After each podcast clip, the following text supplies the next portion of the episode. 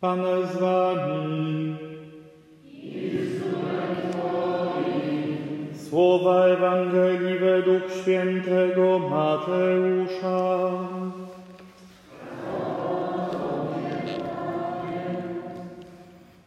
Jezus powiedział do tłumów: Z kim mam porównać to pokolenie? Podobne jest ono do przebywających na rynku dzieci, które przymawiają swym rówieśnikom. Przygrywaliśmy wam, a nie tańczyliście. Biadaliśmy, abyście nie zawodzili.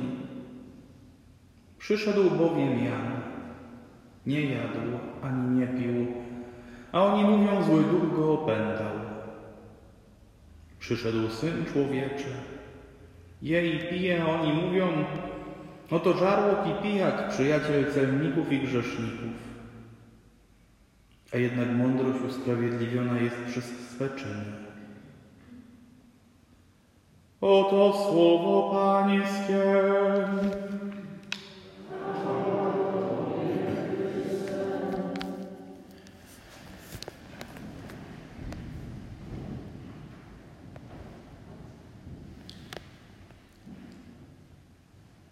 Dziwna wydawała mi się zawsze ta dzisiejsza Ewangelia. Przede wszystkim dlatego, że nie do końca rozumiałem porównania, które pojawiają się w niej za sprawą Pana Jezusa. Nie rozumiałem o co chodzi z tymi dziećmi, które przebywają na rynku, które przemawiają swym rówieśnikom. Dalej za bardzo nie rozumiem tego akurat fragmentu. Natomiast mam wrażenie, że jest w nim ukryta pewna wcale nie zmieniająca się mocno cecha ludzkiej natury. Ale zacznijmy od początku. Pan Jezus odnosi się do dwóch osób: do Jana Chrzciciela i do siebie. I wyrzuca ludziom reakcję na przyjście zarówno swoje, jak i Jana. Zwraca uwagę, że obu z nich nie chcą przyjąć. Przyszedł Jan, nie jadł, nie pił, mówili, zły duch go opętał. Przyszedł Syn Człowieczy, jej pije, oni mówią, oto żarłok i pijak, przyjaciel celników i grzeszników.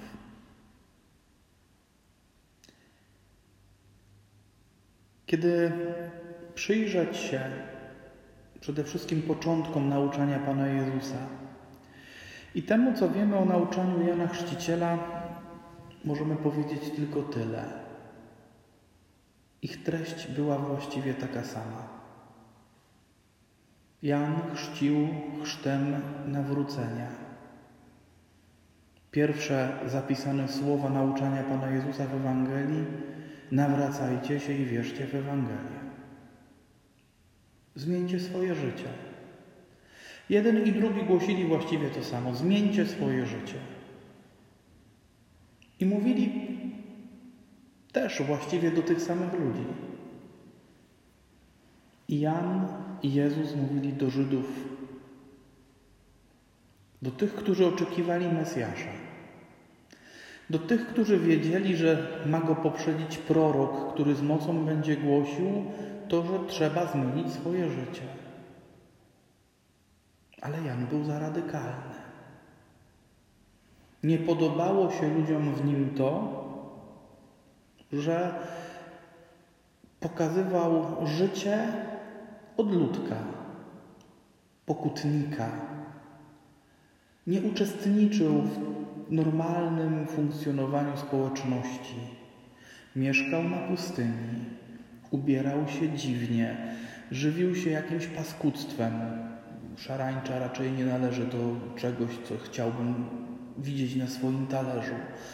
I w tym wszystkim ten wypuszczony, głośny, nie bojący się mówić prawdy prorok nie został przyjęty. sumie podejrzewam, że nie dlatego, jak żył,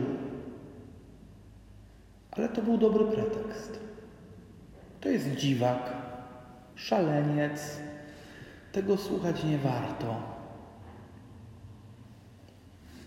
Przychodzi Pan Jezus. Żyje normalnie, uczestniczy w życiu społeczności, jest gościem na weselach, ucztach, przebywa wśród ludzi. Za mało radykalne. Nie, to nie może być prorok. Jego nauka nie może mieć w sobie nic z mocy Bożej, no bo on, on się nie różni od nas. Jest taki jak my. Znamy go, to syn Józefa Cieśli z Nazaretu. I znowu nie treść, a może inaczej, nie postawa, a treść nauczania Pana Jezusa podejrzewam była tym, co odtrącało tych, którzy nie chcieli go słuchać, a jego postępowanie było dobrym pretekstem.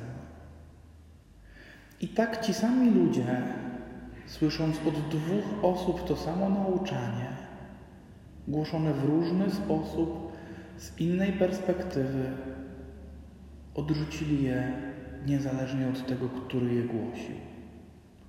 Jeden jako radykał i szaleniec, drugi jako zwykły, po prostu nie za radykalny człowiek.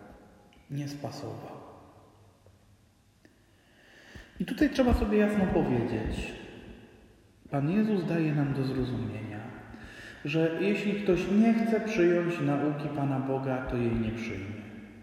Pretekst zawsze się znajdzie. Znalazł się pretekst, by nie słuchać Jana Chrzciciela, znalazły się preteksty, by nie słuchać Pana Jezusa. I popatrzcie, mija dwa tysiące lat, to się nie zmienia. Człowiek, który nie chce przyjąć nauki Pana Jezusa, będzie zawsze miał jakiś powód, by to zrobić. Albo to ksiądz nie taki, który to głosi, albo to w kościele takie, a nie inne rzeczy się dzieją, albo to coś tam, albo to ta moja sąsiadka tak co, co chwilę chodzi do kościoła, a potem wychodzi i odgaduje. Naprawdę, ktoś, kto nie chce, znajdzie dla siebie dobry powód i usprawiedliwienie. Ale dlaczego tak jest?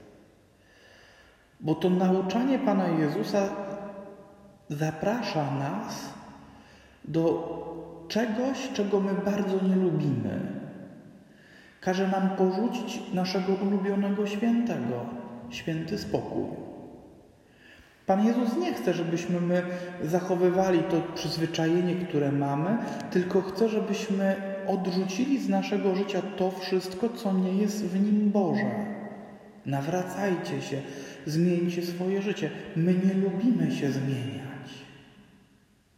Człowiek lubi żyć w przekonaniu, że on jest dobry, że on jest doskonały, że on jest święty.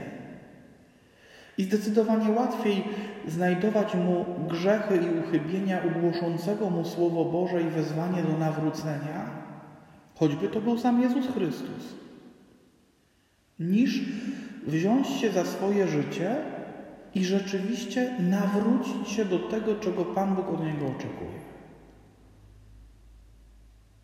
To jest treść dzisiejszej Ewangelii.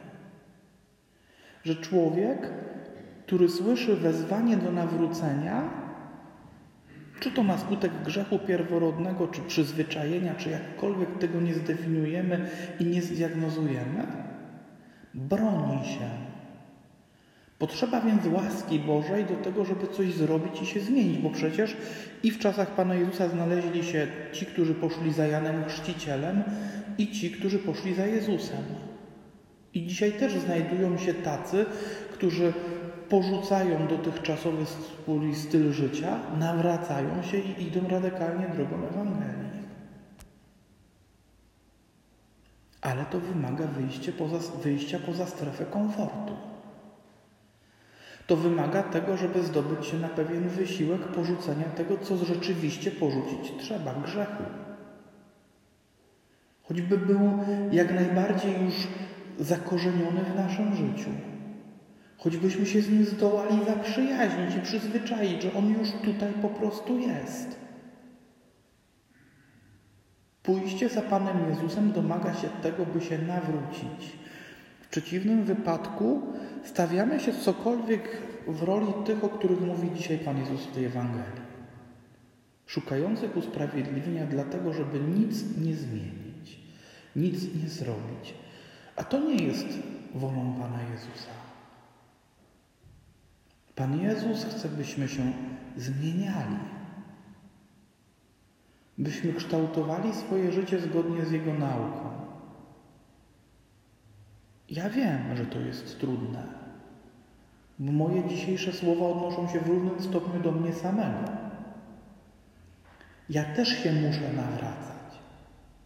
Ja też muszę przełamywać w sobie niechęć do zmieniania tego, co w moim życiu nie jest dobre i nie jest święte. Ja też muszę wsłuchiwać się w tę Ewangelię i być może zawstydzić się nad swoim postępowaniem w tej czy innej sprawie, bo, no właśnie, domagałoby się ono nawrócenia. Tak naprawdę trzeba sobie to jasno powiedzieć.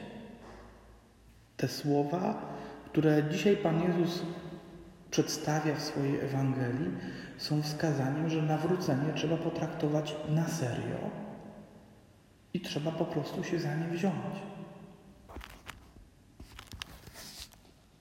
Kim mam porównać to pokolenie? Przyszedł bowiem Jan, nie jadł, nie pił, a oni mówią, zły duch go opętał. Przyszedł Syn Człowieczy, je i pije, a oni mówią, oto żarłok i pijak, przyjaciel celników i grzeszników. Wychodzi na to, że ten, który nie chce się nawracać w oczach Pana Jezusa jest równy dziecku rozwydrzonemu, które stoi przed witryną sklepową i tupie, mamo, ja chcę tą zabawkę.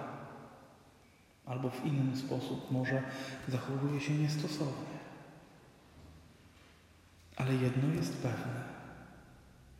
Ten, kto nie chce, znajdzie powód. Dlatego to, o co my mamy prosić Pana Jezusa, w Adwencie chyba szczególnie, bo przecież to jest czas, który ma sprzyjać temu, by zbliżać się do Niego, to jest, by się nam chciało. By nie poddawać się umiłowaniu świętego spokoju. To nie jest święty katolicki. To jest święty współczesnego świata, bardzo lubiany we współczesnym świecie, ale to nie jest święty Kościoła rzymskokatolickiego. I to nam też dzisiaj Pan Jezus bardzo mocno mówi. Że jeśli święty spokój ma stanąć na drodze mojemu nawróceniu, to muszę porzucić jego kult. Wtedy trzeba paść na kolana i powiedzieć, Panie Jezu, tego świętego w moim życiu nie chcę, bo ja chcę pójść za Tobą. Choćby zmusiło mnie to do trudu i niewygody, ale chcę pójść za Tobą. Prośmy więc, by ten adwent był dla nas takim czasem. Czasem, w którym odrzucimy umiłowanie świętego spokoju, które staje na drodze nawracania się. Bo człowiek adwentu, chrześcijanin adwentu, to człowiek, który się nawraca.